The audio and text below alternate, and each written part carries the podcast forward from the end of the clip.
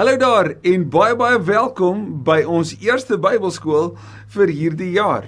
As jy dalk vandag vir die eerste keer by ons inskakel, wil ons jou net herinner dat daar 'n klomp ander studiestukke is wat beskikbaar is op hierdie kanaal en jy kan daarna natuurlik gaan kyk, maar weet ook en dit is regtig 'n belofte en 'n uitnodiging wat ek wat ek amper weekliks die voorreg het om om by te kan weet om top te kan antwoord en dit is al die notas is ook beskikbaar. So ek stuur graag vir jou daarvan ook aan. Ook hierdie wat voor my is, maar weet dat dit wat hier voor my is is deel van 'n groter skopus van studie oor hierdie boek. En daarvoor sê ek vir Chris van Wyk veral baie baie dankie vir die groot werk wat hy gedoen het. Sy sy studie studie materiaal is beskikbaar op op bybelskool.com en uh, dis in Afrikaans en dit is so lekker om ook so hande te vat want uh, hy deel dit daar en op 'n manier het ons die voorreg om baie keer ook van van dit wat hy bied om om om daarop te steun en en van te kan deel. So baie baie dankie Chris vir vir jou bydrae ook vir die kerk en vir die koninkryk daarmee saam. Ons studie fokus is op die boek Genesis. Hierdie boek wat begin met hierdie woorde Bereshit en hoe lekker om in die begin van die jaar te begin met 'n boek wat die eerste woorde letterlik vir ons kom sê maar dis hoe alles begin het. Hier is 'n boek wat oor die jare geweldige debatte en gesprekke en en en argumente losgelaat het. Selfs vandag nog tot vandag toe is mense besig om met verskillende invalshoeke hieroor te praat. En voordat ek vir ons bid, hoor net dit. Die doel van ons studie hiermee is nie om enigstens eers te probeer om met al daai argumente in gesprek te tree nie. Daar's baie baie verwysings en dit is ook in hierdie bronne wat voor my is waarna jy kan gaan kyk wat jy by verder kan gaan leer vir meer oor die verskillende argumente rondom veral hierdie eerste twee hoofstukke waarmee ons vandag kan besig wees maar ook oor die aardsverhale van hierdie 50 boek hoofstuk 50 hoofstuk boek waarmee ons gaan besig wees. Ons gaan dit nie soos in die verlede hoofstuk vir hoofstuk kan hanteer nie. Ons gaan dan 'n paar jaar daarmee besig wees.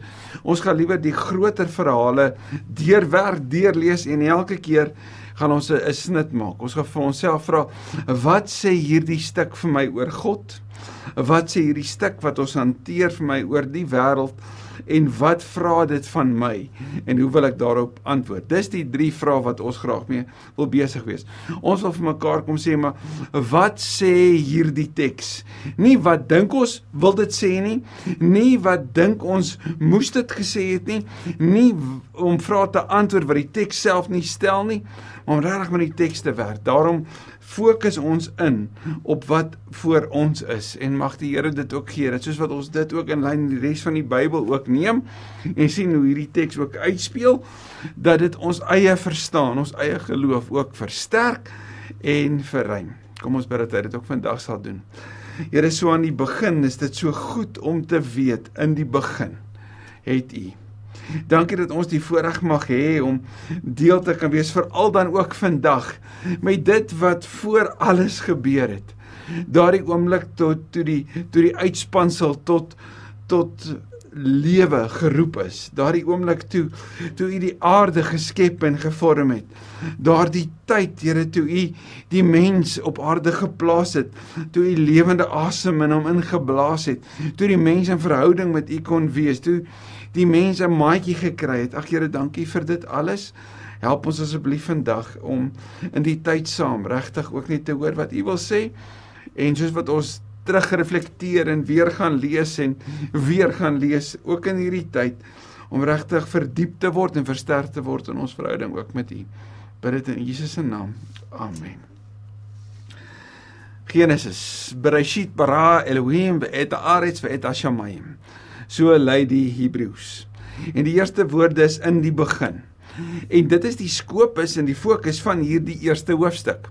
Genesis 1 is 'n gedig en die die fokus van hierdie gedig is een boodskap, naamlik God het geskep en die mens is die kroon van die skepping, van sy skepping.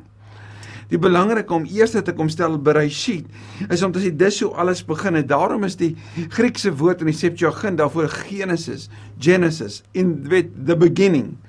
Maar letterlik staan daar Bereshit in die begin. So in die ontstaansgeskiedenis, hierdie eerste verhaal, hoor ons dat dat die die die, die skrywer hiervan vir ons kom sê maar voor alles, hier is hoe dit begin het, maar hy doen dit op 'n pragtige manier in 'n gedigvorm. En hy begin deur vir ons te sê in die begin het God. En dit help ons om die res van die Bybel te verstaan. Want God is die outeur daarvan. Dit kom sê ook vir ons dat God is die gans ander. God is die transcendente. God is nie deel van die skepping nie. Hy is die een wat skep en daarom sal Romeine 9 byvoorbeeld sê dat ons nie vir die Skepper kan vra hoekom lyk alles so nie. Dis sy besluit gewees. Hy is in die proses die een wat inisiatief neem. Hy's die een wat skep, hy's die een wat lewe gee. Hy's ook die een, so sien ons in hierdie gedig, wat orde gee en en en en die gemeenskap of die wêreld orden. Hy begin reg in die begin voor alles om dit tot lewe te roep en die ons of die bestaansrede daar agter is die woord ons. God sê kom ons maak. Dit was die Here se keuse om vanuit verhouding die mens te skep vir verhouding, vir verhouding met hom en dis wat hom so anders maak. Hy is die Here wat die inisiatief neem. Hy is die Here wat wat wat vir ons kom sê maar hy wil in verhouding met ons wees. In Genesis kom vertel dit breedvoerig vir ons. Jy kan hierdie boek Genesis op verskillende maniere indeel en ek bied gou graag vir jou kortliks 3 maniere oor hoe jy hierna kan kyk. Die eerste indeling hiervan is om dit in twee hoofdele te deel. Die eerste belangrike deel daarvan sal wees die oergeskiedenis of wat ons sal kan noem die voorgeskiedenis voordat alles in detail op skrif gestel of gemerk is in dis Genesis 1 tot 11 en dan die tydperk van die aardsvaders. Die voorgeskiedenis sal ons dan kan sê daar's nie 'n spesifieke tyd waar waar ons dit toe kan koppel nie. En dan die tyd van die aardsvaders wat van hoofstuk 12 tot 50 duur en dis die omgewing van so 300 jaar wat dit gebeur het. Nou dit alles neem ons terug na omtrent so 4000 jaar voor Christus. Maar maar die tyd in oorgeskiedenis en dan die tyd van die aardsvaders. Die tweede indeling is die indeling wat volgens die ontstaan um, invalshoek werk. So die eerste sal wees die ontstaan van die wêreld en dit sal hoofstuk 1 en 2 wees. Die tweede sal wees die ontstaan van die nasies wat hoofstuk 1 tot 11 sal wees en dan sal die derde wees die ontstaan van Israel wat hoofstuk 12 tot 50 sal wees. Die derde is die invalshoek van roeping. En daar sal vertel word of daar word vertel in die voorgeskiedenis as die die tyd van die soewereine roeping. Naamlik, weet iemand sal sê praat van the sovereign calling. God wat die mens roep eksklusief vir hom, soewerein. Hy wat die Here is wat die mens roep. Die tweede sal die tyd van Abraham wees en daarin daarna word verwys as die embraced calling, die die roeping wat omhels word. Abraham wat God se roeping hoor, dit omhels en daaruit gaan leef. Die derde sal praat van die tydperk van Jakob, dis hoofstuk 26 tot 36. En dit word verduidelik as die die tyd van die van die jy weet van die worstelende roeping, die conflicted calling. Jakob wat sy naam uiteindelik verander word na Israel toe, die een wat worstel en stoei met die Here. En die vierde indeling sal wees die tyd van die hidden calling of die gesluierde roeping. Die tyd van Josef. Hoe Josef 'n roeping kry wat hy later eers in sy lewe sal ontdek. En soos hy terugkyk sal hy sê maar julle wou dit doen, maar dis wat God met my wil doen of wou doen. En en so met hierdie indelings help dit ons dan ook om Genesis 1 opnuut ook te sien. As dit is die storie voor die storie Genesis 1 en 2, voor al hierdie dinge sou gebeur. Kom vertel Genesis vir ons iets van wie God is en wat in sy hart geleef het en hoe hierdie hierdie wêreld aan mekaar gesit is en wat die eerste direk daarna, weet eh, rolspelers wat hulle gekies en besluit het. Wat maak Genesis anders as die historiese bronne van daai tyd? Wel Genesis het 'n baie unieke fokus op God. Genesis kom vertel vir ons van 'n persoonlike God. Hy's nie een wat vanuit die skepping verhewe geraak het nie. Hy's nie een van die natuurelemente soos die soos die son of die maan wat aanbid moet word nie. Nee, hy's die skepper bo dit alles. Hy's die skepper ook voor dit alles. Hy's die een wat inisiatief neem en hy's 'n persoonlike God wat geken wil word. Hy's die Here wat tussen die mense wandel en tussen hulle wil wees, wat deur hulle geken wil wees. So Genesis het 'n baie unieke fokus op wie God is. Maar Genesis het ook 'n baie unieke fokus op die mens. Dat die mens deur God geskep is om een te wees, om gevorm te word, om mekaar byvoorbeeld aan te vul. Wanneer die die vrou byvoorbeeld hoor dan Genesis 2 of wanneer sy geskep word, word sy as die helper beskryf. Nou daai woord helper is nie 'n swakker beskrywing nie. Nee, want God word later met daai selfde woord beskryf en dan is dit die die helper om te kom versterk. So die een wat aangevul word. Maar hier's die belangrike, sonder die vrou sou die man nooit geweet het wat verhouding is nie. Hy sou sonder haar nie kon voortplant nie. Maar die twee het mekaar nodig ja vir voortplanting, maar vir soveel meer. Hulle het mekaar nodig vir daai Hebreëse woord yada wat beteken om innig te ken. Want dis wat God gebruik wanneer hy sê dat hy ons wil ken. So die mense vermoë om mekaar innig te ken, leer mekaar ook om God te kan ken. Hoe sal die mens ooit geweet het wie God was as hy nie 'n gans ander gehad het om te lief om weet om te leer liefkry nie, om by te kon leer nie, om deur gevorm te word nie. God is liefde, God is 'n verhoudingsgod en daarom gee hy vir ons hierdie ervaring van verhouding. Genesis 1 se groot fokus in hierdie gedig is om vir ons te kom sê maar die mens is die kroon van die skepping. Reg in die begin daai eerste sinnetjie Bereshit bara Elohim in die begin het geskep God en dan gebruik die Hebreëus twee letters wat ek en jy so in die Afrikaans nie sou raak lees nie. Maar dis die woordjie et. Die hemel en die aarde.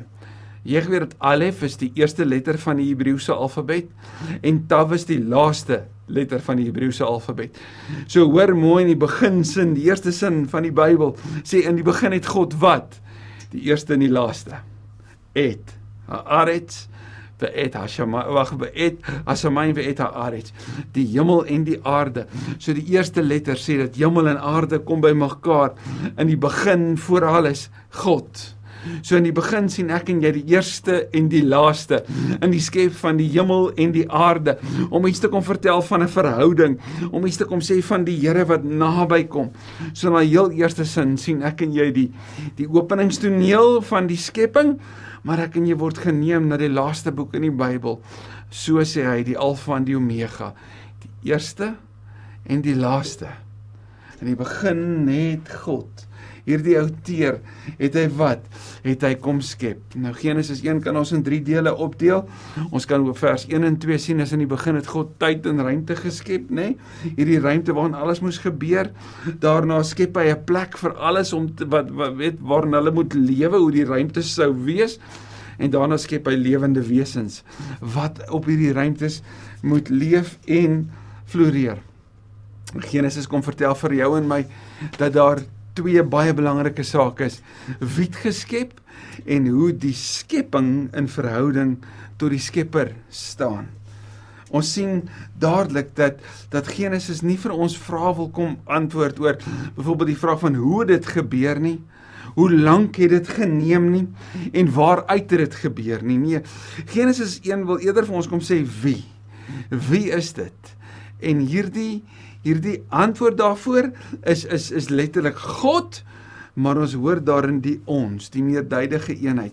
Hierdie Here wat in verhouding is, het geskep en dis belangrik. Dit kom sê vir jou en my agter dit wat in ons lewe gebeur, is daar nie toeval nie, daar is 'n outeer. Daar is 'n begin en daar is 'n einde. Daar is 'n Here. En die antwoord vir alles in hierdie wêreld van ons kry ons dan by hom. Vir ons wat so in hierdie wêreld op hierdie gelyklyn is, wat sukkel soms om perspektief te kry, kry ons 'n ander blik op die realiteit deur te weet daar is 'n Here en deur 'n verhouding met hom te wees, kyk ons anders na ons wêreld hier om ons. In die begin het God gaan kyk in Psalm 33 vers 6 wanneer die psalmdigter hieroor fokus en natuurlik Johannes wat vir ons ook in sy skepingslyne in sy proloog voordat die evangelie ook geskryf word, vertel hy ook in die begin. In die begin het Jesus, in die begin is alles deur hom tot stand gebring. So weer eens die wie, nie die hoe het alles gebeur nie. Augustinus en Calvin het ook hierin baie baie rustigheid gevind omdat hulle kom sê het maar die, die Genesis wil nie vir ons die vraag antwoord oor hoe dit gebeur nie. Oor presies hoe lank tyd het dit gevat nie. Maar eerder op die fokus van die begin daarvan, naamlik God. Die tweede ding wat ons dadelik in Genesis 1 vers 1 en 2 sien, is dat daar die aarde in die skepping daarvan was woes en leeg. So daar is dadelik in die skepping in hierdie gedig en hoor weer, dis 'n gedig, dis nie 'n wetenskapsboek nie.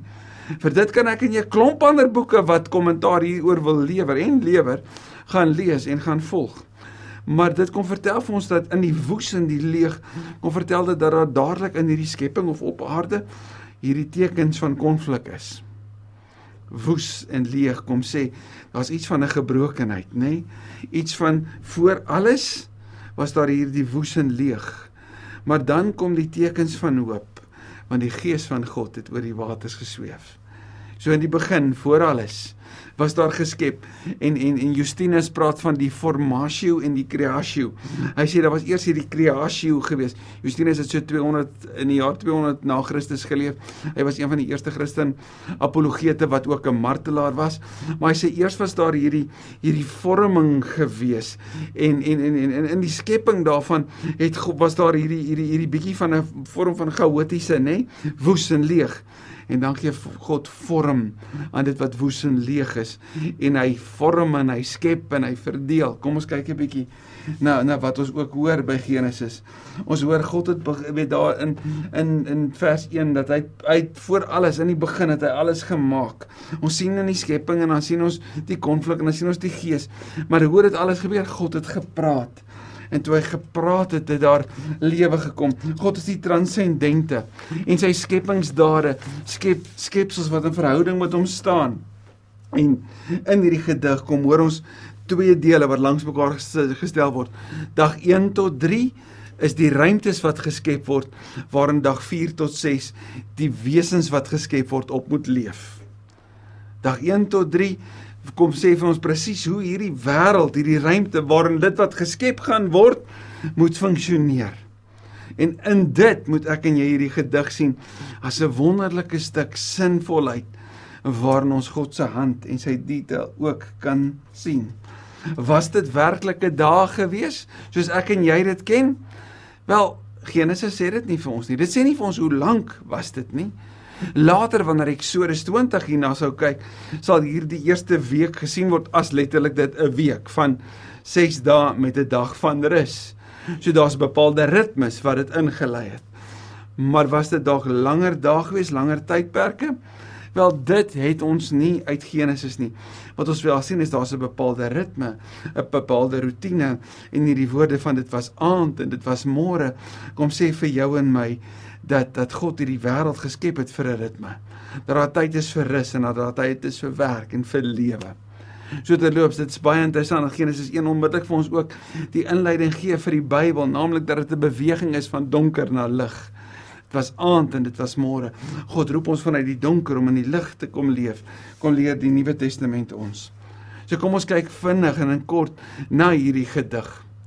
Die eerste wat ons lees in in in vers 3 is dat God maak lig en dan skei hy lig en donker. Wanneer God toetree, dan bring hy lig na duisternis toe. In Openbaring 21 gaan ek en jy sien dat in die nuwe Jerusalem, daar aan die einde, ek wil ons nou die hele 66 boeke van die biblioteek deurwerk, gaan ek en jy sien aan die einde van tyd is daar in die nuwe Jerusalem nie 'n son nie, want waar God is, daar is lig. Dit is nie nodig nie want die Here is daar. Maar wanneer die Here toetree, dan bring hy lig wat teenoor duisternis skyn en hy skei dit. En hy noem dit aand, weet nag en hy noem dit dag. In dag 2 sien ons dat dat die Here vanuit die water wat daar geskep is, bring hy skeiding. En daar is 'n gewelf bo wat ons ken as hemel.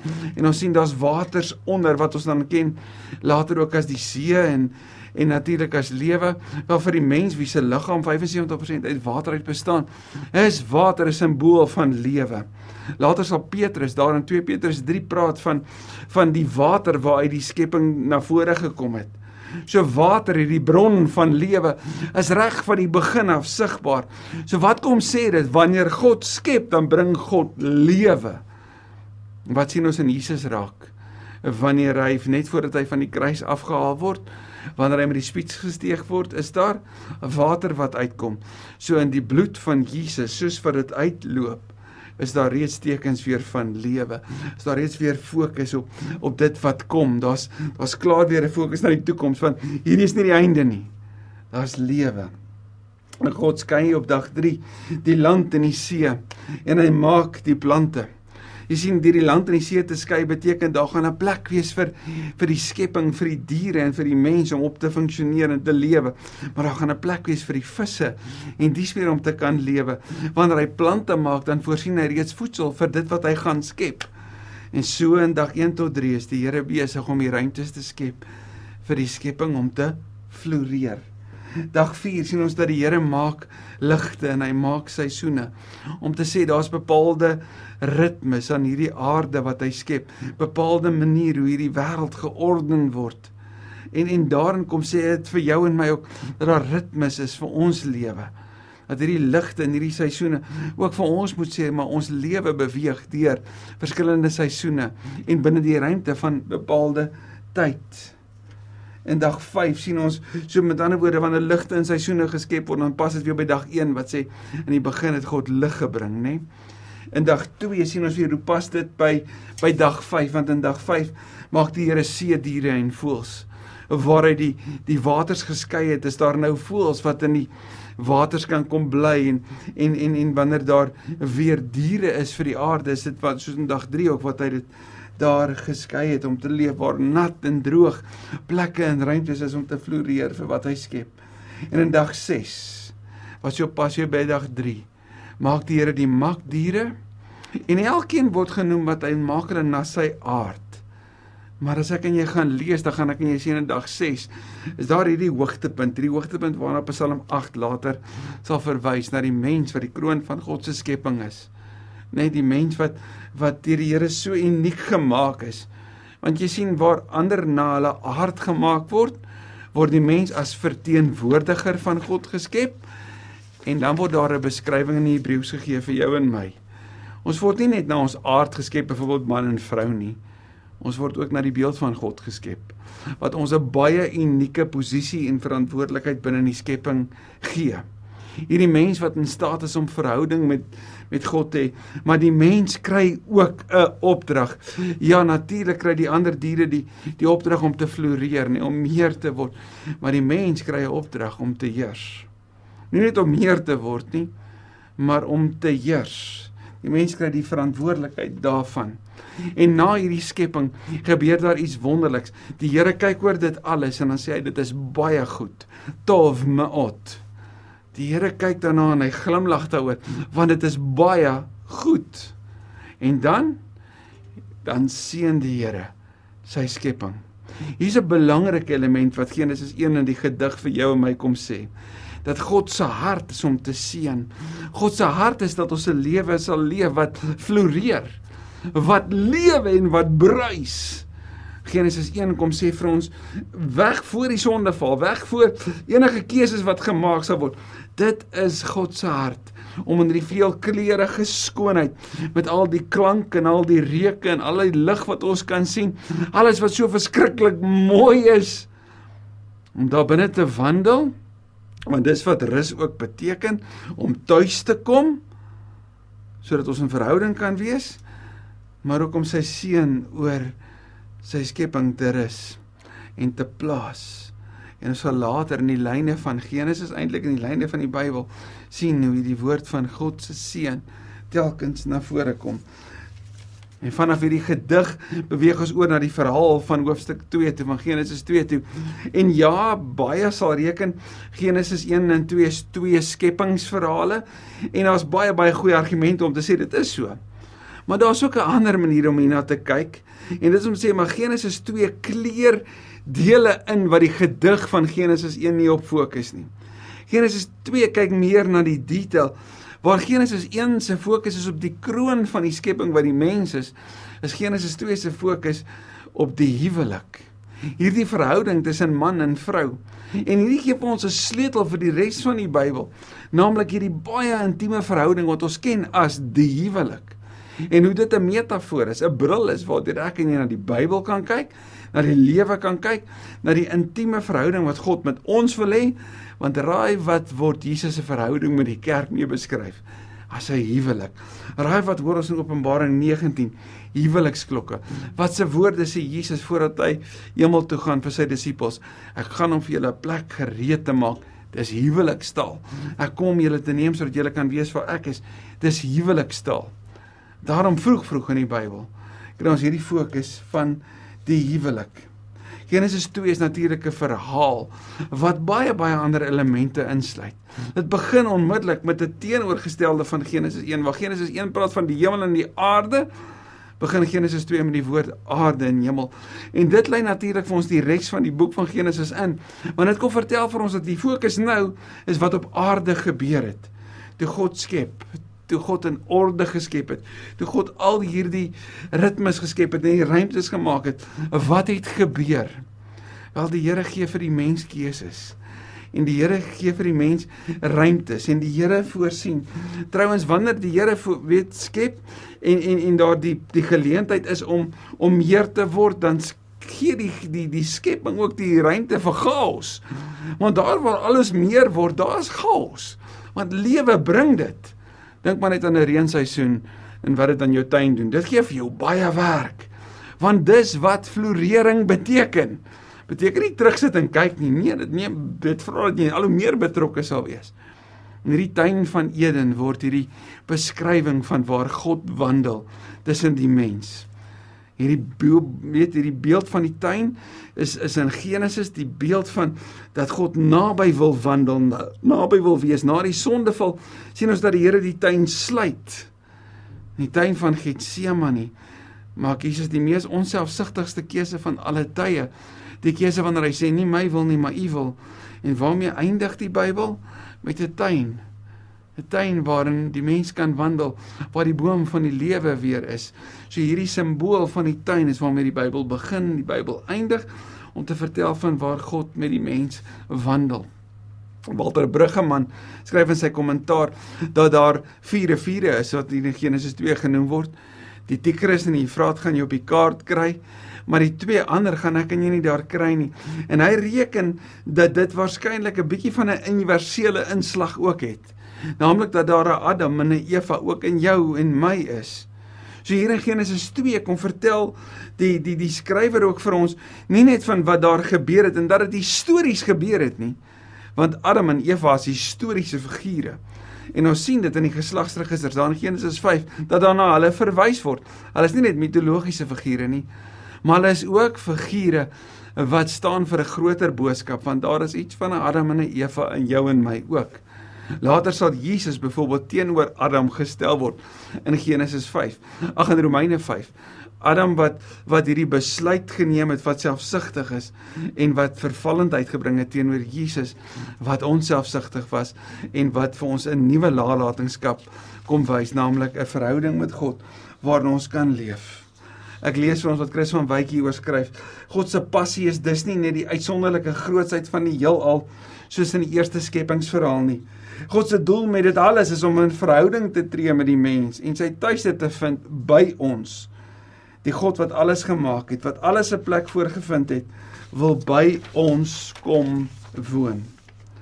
Die Here stel vir die mense die keuse van die boom van die kennis van goed en kwaad en sê moenie daaraan eet nie wat dit vir jou en my kom sê is dat die Here wil nie hê en wou nie hê van die begin af dat die mens en ek wil Spreuke 3 vers 3 tot 5 vertel dit so mooi dat die mens sy keuses autonoom net op sy eie uit, weet uitoefen nie maar dat hy die Here se raad en se wil sal vra. En in plaas van dat die mens gryp na die boom van lewe gaan gryp hy na dit wat hom autonoom sal maak om sy eie keuse te maak. Maar God wat liefde is gaan nie die mens dwing nie. Daarom het ons keuses gekry En uit al die miljoene keuses wat Adam en Eva gehad het, ken ons hulle vir daai een keuse. Die keuse waarna hulle gekies het om vir kennis te gaan in plaas van om God se wil en God se leiding ook daarvoor te vra. Adam en Eva bied vir jou en my 'n verhaal waarin ons kan identifiseer 'n verhaal waarin ons kan teruggaan na Here kyk hoe mooi dit geskep wat se voorreg het ons gehad om met U te kan wandel en wat U vir ons wil hê maar dit lei vir ons ook die verhaal in van die hart van God teenoor die rebelsheid van die mens, die eie willigheid van die mens. Maar dan kom Christus as die nuwe Adam om ons terug te neem. So kan ek nou so in die begin van ons reis met Genesis dit by jou los.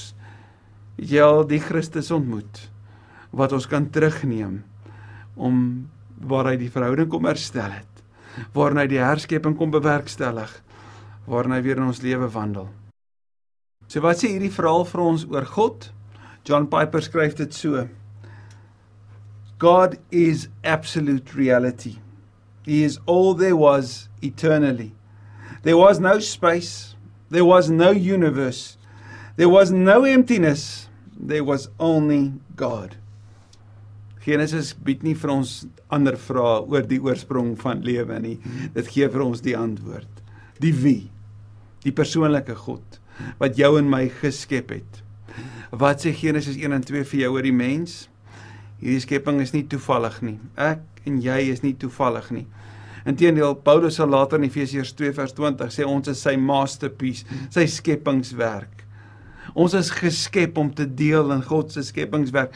Ons is geskep om te wandel saam met hierdie Skepper God wat ons persoonlik ken en deur ons geken wil word. Die Griekse woord proginosko is voorkennis. God het vooraf besluit om ons te ken en deur ons geken te word om naby ons te wees en saam met ons te wandel. Ons is geskep vanuit verhouding vir verhouding.